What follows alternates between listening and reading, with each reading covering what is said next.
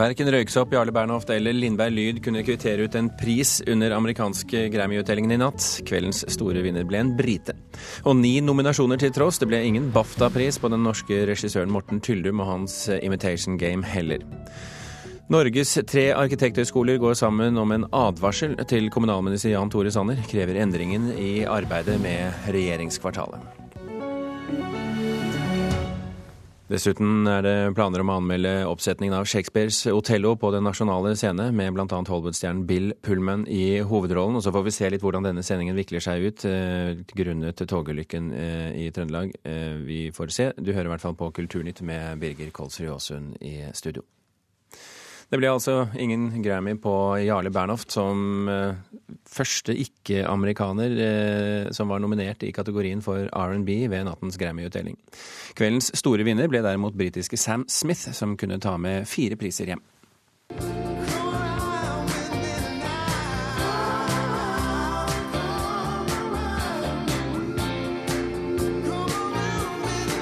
Verken Jarle Bernhoft, Røyksopp, Morten Lindberg eller noen av de andre nominerte nordmennene fikk med seg noen Grammy-statuett fra prisutdelinga i Nokia Theater i Los Angeles i natt.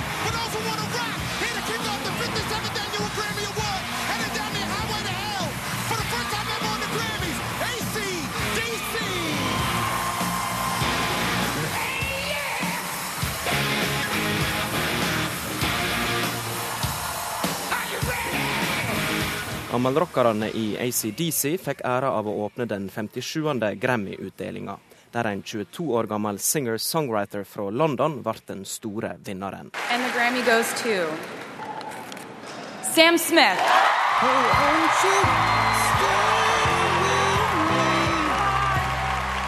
I just want to say that before I made this record, I was doing everything to try and get my music heard. I tried to lose weight and make, make I was making awful music. And it was only until I started to be myself that the music started to flow and people started to listen. So thank you guys. Sam Smith vant i kategoriene Beste nykommer, Beste popalbum, Beste sang og prestisjetunge Record of the Year for låta Stay With Me.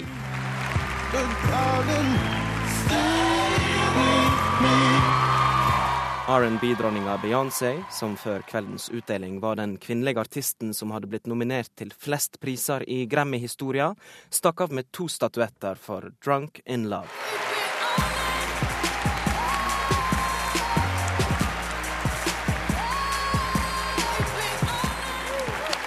Wow, thank you guys so much. This is such an honor. I'd like to thank God Årets album og årets rockealbum gikk til veteranen Beck for skiva 'Morning Phase'.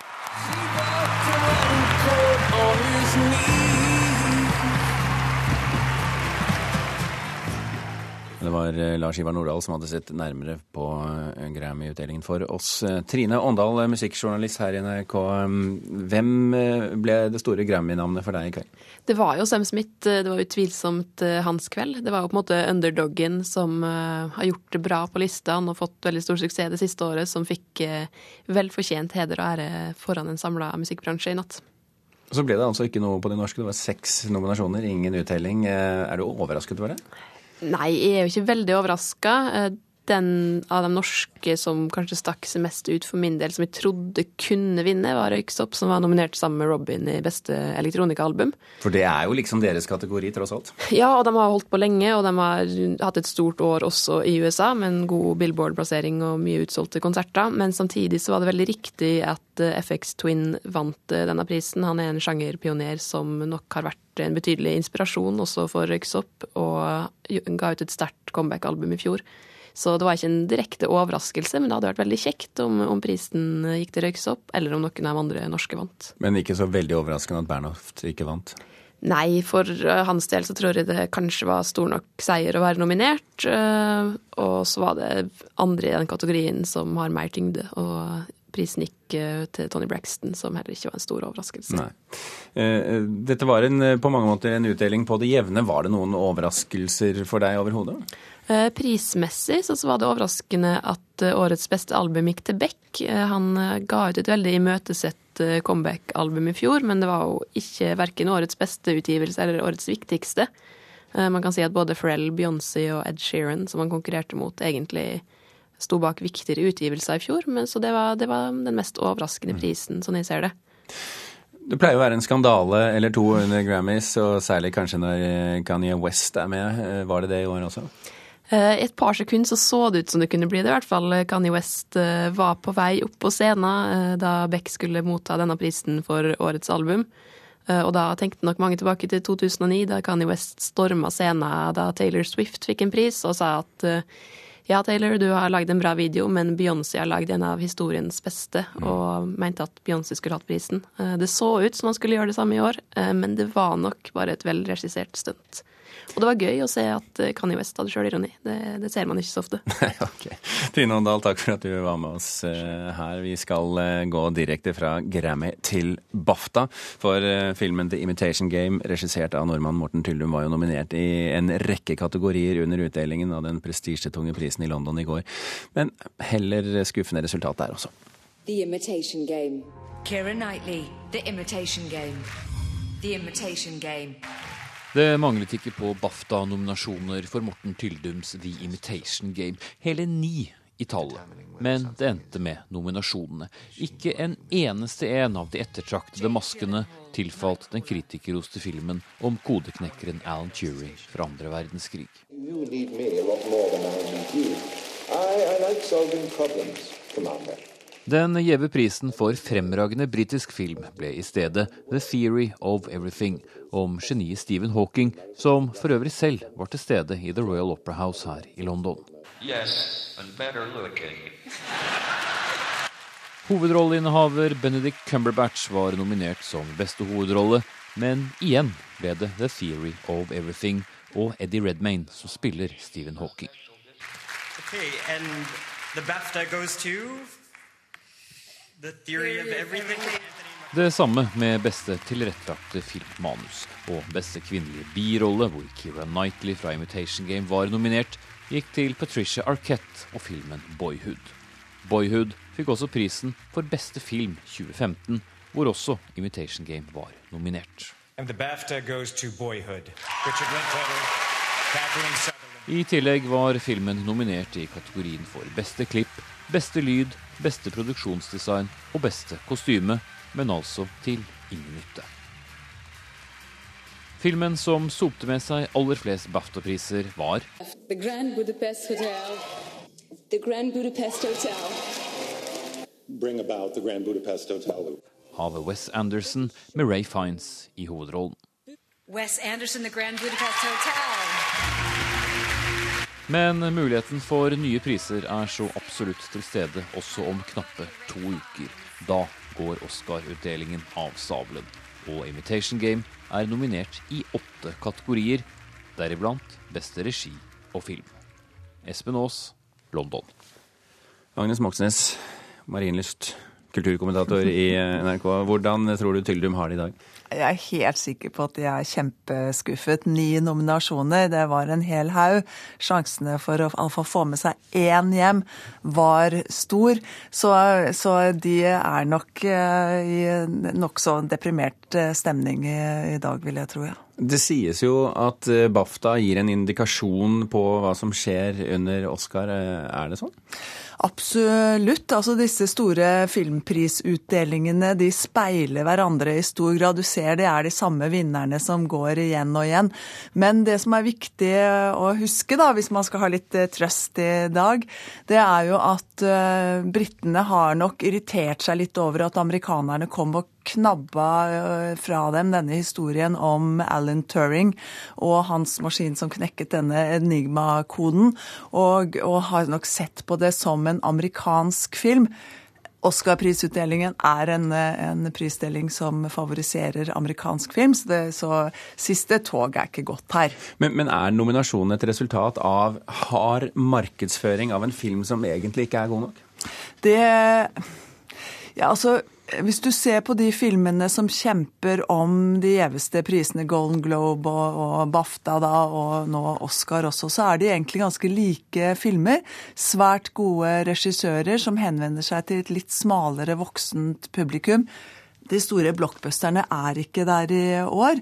Og det er mulig at eh, Morten Tyldum kommer ut med litt mindre sånn regipersonlighet enn type som Wes Anderson, som nå stakk av gårde her med, med, prisen for beste film, Grand Budapest Hotel, og en, en type som, eh, som Linklater, som jo har laget denne filmen 'Boyhood', som går sin seiersgang over alle festivaler.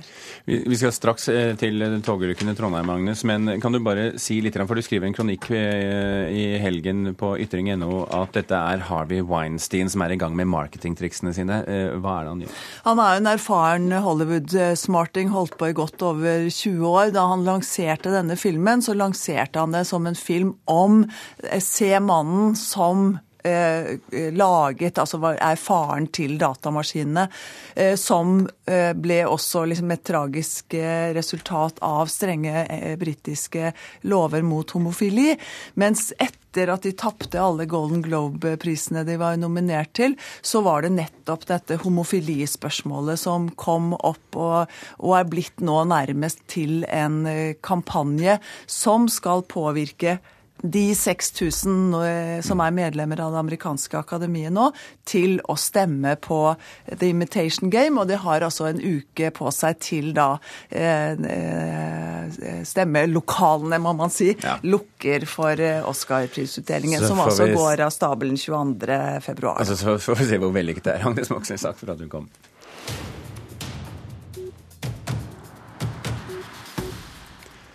Ja, Vi tar en uh, litt uvanlig vending her i Kulturnytt. Vi skal tilbake til toget som har kollidert på sentralstasjonen i Trondheim. Reporter Martin Holvik, hva er det som har skjedd?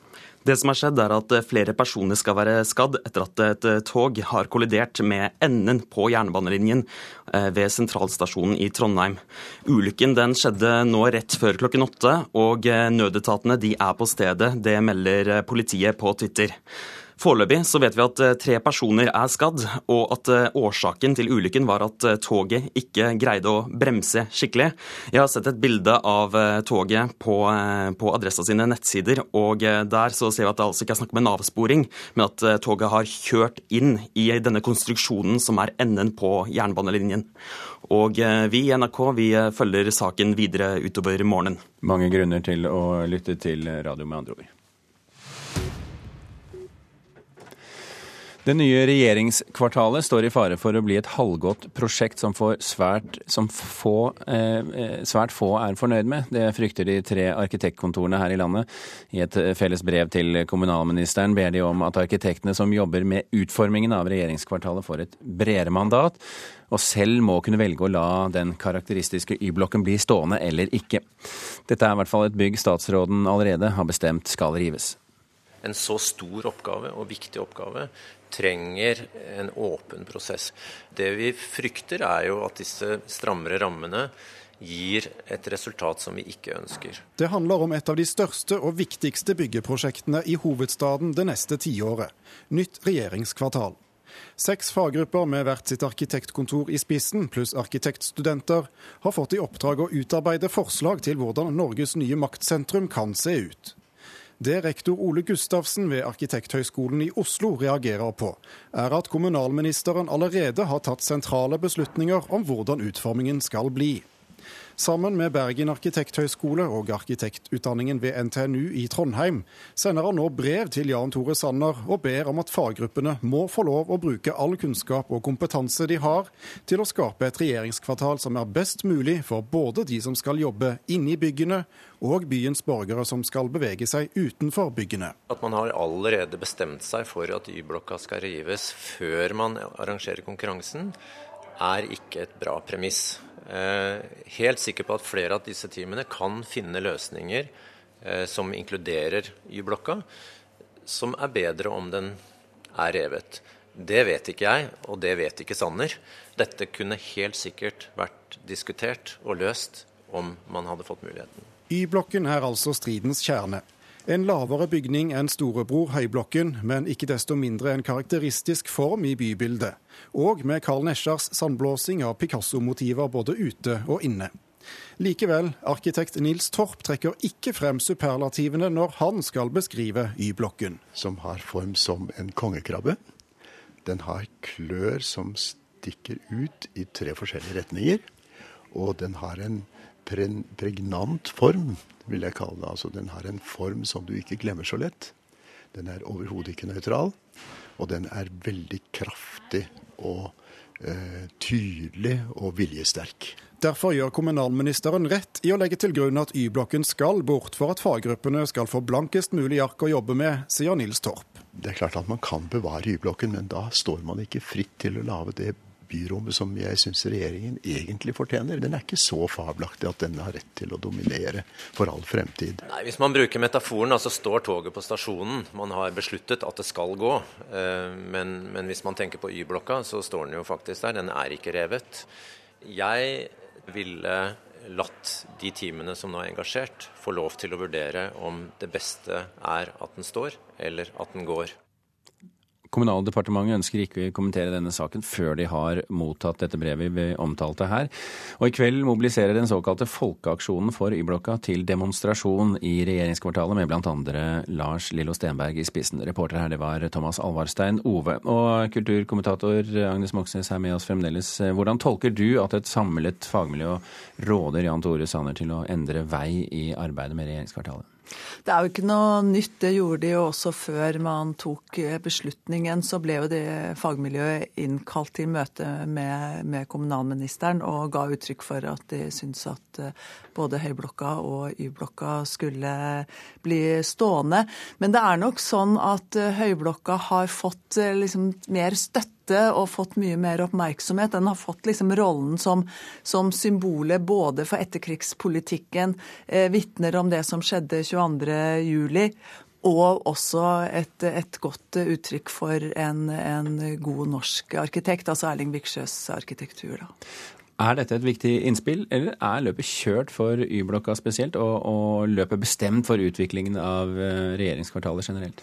Ser nok en, en, mobilisering eh, nå. Et ønske om å bevare den, men det skal nok altså det skal en skikkelig folkebevegelse til før man skal klare å stoppe rivingen av Y-blokka. Det er jeg helt sikker på. Eh, den er, som Nils Torp snakket om her også, det har vært veldig helt siden den ble satt opp en stor diskusjon om plasseringen i byrommet hvordan den fungerer i forhold til andre bygg. Det er sikkerhetsutfordringer eh, med den. Eh, og den er vel også et, et nokså praktisk og et, et, bygg som sprer seg utover og er ganske stort. Sånn at det er eh, Det skal mye til, tror jeg, før den beslutningen blir forandret. Det virker som det er en liten mobilisering på gang nå. Hvorfor skjer det akkurat nå? Nei, Det er jo fordi at nå rett etter påske så skal de seks-syv arkitektmiljøene som jobber med hvordan hele regjeringskvartalet, hvor det skal inn 5000-6000 eh, byråkrater om bare noen få år, de kommer nå med, med, sine forslag. Og det er klart at i det øyeblikket de har kommet med de forslagene, eh, Statsbygg og Kommunaldepartementet setter seg ned og sier dette skal vi gjøre, dette skal vi, dette skal vi gjøre, så er Y-blokkas eh, tid over. Selv om det fortsatt kommer til antageligvis bortimot to år før den skal rives. Mm. Agnes Moxnes, takk for at du var med oss i dag. Vi skal til uh, filmens verden, der fjorårets publikumsmagnet på kino Burning trolig ikke får noen oppfølger etter at Norsk Filminstitutt avslo søknaden om filmstøtte til Burning 2. Helt uforståelig, dette hadde aldri skjedd i andre land enn Norge, sier produsenten bak filmen? Hvis vi hadde bodd i USA, så ville de løpt etter oss for å lage Burning 2, men i Norge gjør man ikke det. Skrensing, lekre biler og norsk natur i Burning oppnådde et besøkstall på over 380 000 i fjor, kun slått av storfilmen 'Hobbiten'.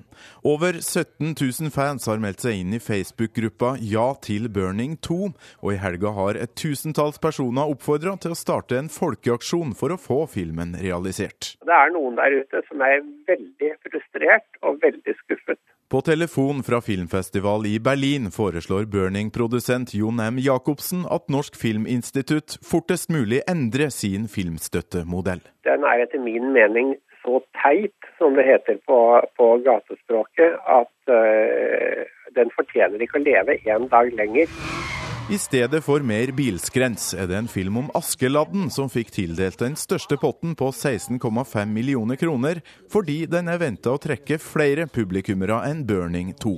Greit nok, mener Jacobsen, men han har liten forståelse for regelverket som fører til at en annen film, nemlig 'Snekker Andersen', også fikk tildelt penger fordi den har et mindre budsjett enn Burning 2. Mitt budskap er at denne regelen må de virkelig se grundig på. Den kan selvfølgelig debatteres opp og ned og ned og opp. Produksjonsrådgiver Arve Figenschou ved Norsk Filminstitutt, også han på telefon fra Berlin, påpeker at ordninga er laga for å gi støtte til både store produksjoner og de med mindre budsjett. Burning 2 falt dermed mellom to stoler denne gangen. Panelet har tru på en uh, stor publikumsfilm i Snekker Andersen også, da. Så vil det jo alltid være en diskusjon mellom eh, produsenter og NFI hvor mange store filmer skal vi lage per år. Nå skal det smake meg svele. Otto Jespersen og resten av persongalleriet fra Burning ønsker en film nummer to, ifølge produsent Jon M. Jacobsen, som ikke har gitt opp helt enda. Men får ikke filmen tilskudd ved neste korsvei, altså til sommeren,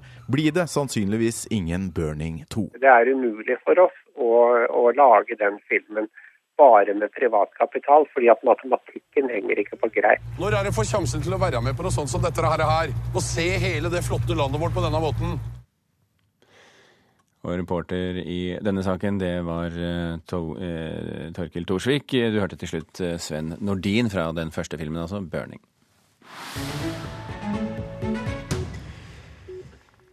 Det er en stor ting når Hollywood-skuespilleren Bill Pullman spiller eh, Otello på Den nasjonale scenen i Bergen denne vinteren. I helgen hadde stykket premiere i regi av Stein Winge. Og Karen Frøsland Nystøl, teaterkritiker her i NRK. Hvordan var eh, Pullmans Otello? Han var en fremmed fugl eh, på den nasjonale scene. Um, det er jo ikke mye glamour i, over, over, rollen som han gjør der. Den er, den er mørk og, og ja, fremmed. Det, det, skyldes at han ikke snakker språket. Han snakker et annet språk enn de andre skuespillerne. Og, og fremmedheten ligger nettopp i det at, at, at, de ikke mm, har de samme kodene for ting. At de, at de, ikke kommer så nær hverandre som de kan, fordi de ikke har samme språklige grunnlag. Når Shakespeare skrev Othello, så gjorde han jo mannen til en maurer, altså en nordafrikaner, mm. eh, for å skape denne fremmedheten. Fungerer det like godt med en amerikaner? Det, det, er en annen måte å se det på. Altså det, det, er jo ingen synlig fremmedhet i hudfarge og Otello på, denne, på den nasjonale scenen nå. Men eh, fremmedheten ligger som sagt i språket, men den ligger òg i at, eh, at, Bill Pullman eh, spiller en eldre Otello. Han spiller en krøpp som har blitt skada etter krigen. Han har en bandasjert hånd og han halter på ene foten, og det er hans, eh, hans lyte lyte, da, eller eh, plage. Det han sjøl trekker fram som, som, eh, som, problemene ved seg sjøl. det går jo fint an å sette opp Otello og, og ha andre innganger til denne fremmedheten. Og jeg syns at akkurat det er noe av det som fungerer aller, aller best. For, for det spilles fram en slags sårbarhet i det å ikke kunne det samme språket som de andre. Det skaper en enorm distanse mellom Otello og resten av ensemblet. Det er jo på ingen måte første gang Otello spilles av en hvit eh, skuespiller, selv om det er vanlig å ha en mørk skuespiller der. Eh, I Dagsavisen i dag så får Den nasjonale scene kritikk fra både en litteraturviter og Cliff Moustache ved Nordic Black Theatre for å ha valgt en hvit mann og ikke en mørk. altså. Går valget av Pullman over, utover troverdigheten i stykket på noe vis? Nei, nei, det syns jeg ikke. Men samtidig så ser jeg det problematiske i det. For eh, det er jo ikke mange store klassiske roller som er skrevet med en så tydelig henvisning til hudfarge som nettopp Otello er, så, som Shakespeare skrev i 16, 1603. Det er jo en god stund siden. men det Altså, I 2011 så satte Runar Hodne opp Otello og eh, hadde en svenske i denne rollen. og Det skapte òg enorm debatt. Det ble et enormt fint stykke som la vekt på på det psykologiske, det indre, den sjalusien, det vonde i mennesket som kommer fram når man presses til de punktene som Otello presses til. For det er jo et, et drama som handler veldig mye om hva sjalusien gjør med et menneske. Mye står og faller på hovedrollen her. Hvordan fungerer Pullman som skuespiller? Nei, Det, det syns jeg er kjempefint. Han er en underlig figur. Det tar lang tid før man får grep om Otello ved den nasjonale scenen, og nettopp sånn skal det være. Og så syns jeg òg han spilles godt opp av eh, Jan Selid som Iago, blant andre. Eh, Det er et stykke som domineres av mannsrolle, eh, og sånn er det i denne krigerske settingen. Jeg syns kanskje at de kunne porsjonert ut virkemiddelbruken litt, for det er mye roping og høye stemmer og sterke virkemidler allerede fra starten. Og det er vanskelig å toppe i en tragedie som du vet ender så forferdelig vondt. Når du starter høyt oppe med virkemiddelbruk, så er det vanskelig å få en stigende kurve på det vonde på, på akkurat den siden av forestillinga. Så hvis vi skal prøve oss på en konklusjon her når det gjelder Otello på Den nasjonale scenen i Bergen? Den er velspilt, og den er flott scenografisk, men jeg skulle ønske at de hadde jobba mer med å porsjonere ut virkemidler, både ved stemmebruk og i, i musikk. Karen Frøsland Nystel, takk for at du er med her. Vi har litt tid igjen til slutt til å ta med at eh, det blir eh, et stort eh, kinosenter på Storo i Oslo. SF kino er det som ønsker å etablere det. Storsatsingen til det svenskeeide kinoselskapet får elleve saler og nesten 2000 seter, og kommer til å åpne i 2017, skriver Aftenposten i dag.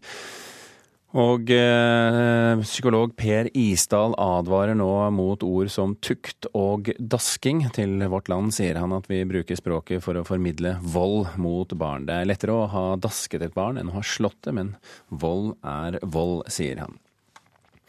Og helt til slutt, den norske fiolinisten David Coucheron vant i natt en Grammy med orkesteret Atlanta Symphony Orchestra i USA. Coucheron er konsertmesser for orkesteret, som da altså vant Grammy for Best Engineering. Så det ble en liten en, liten en på oss, tross alt.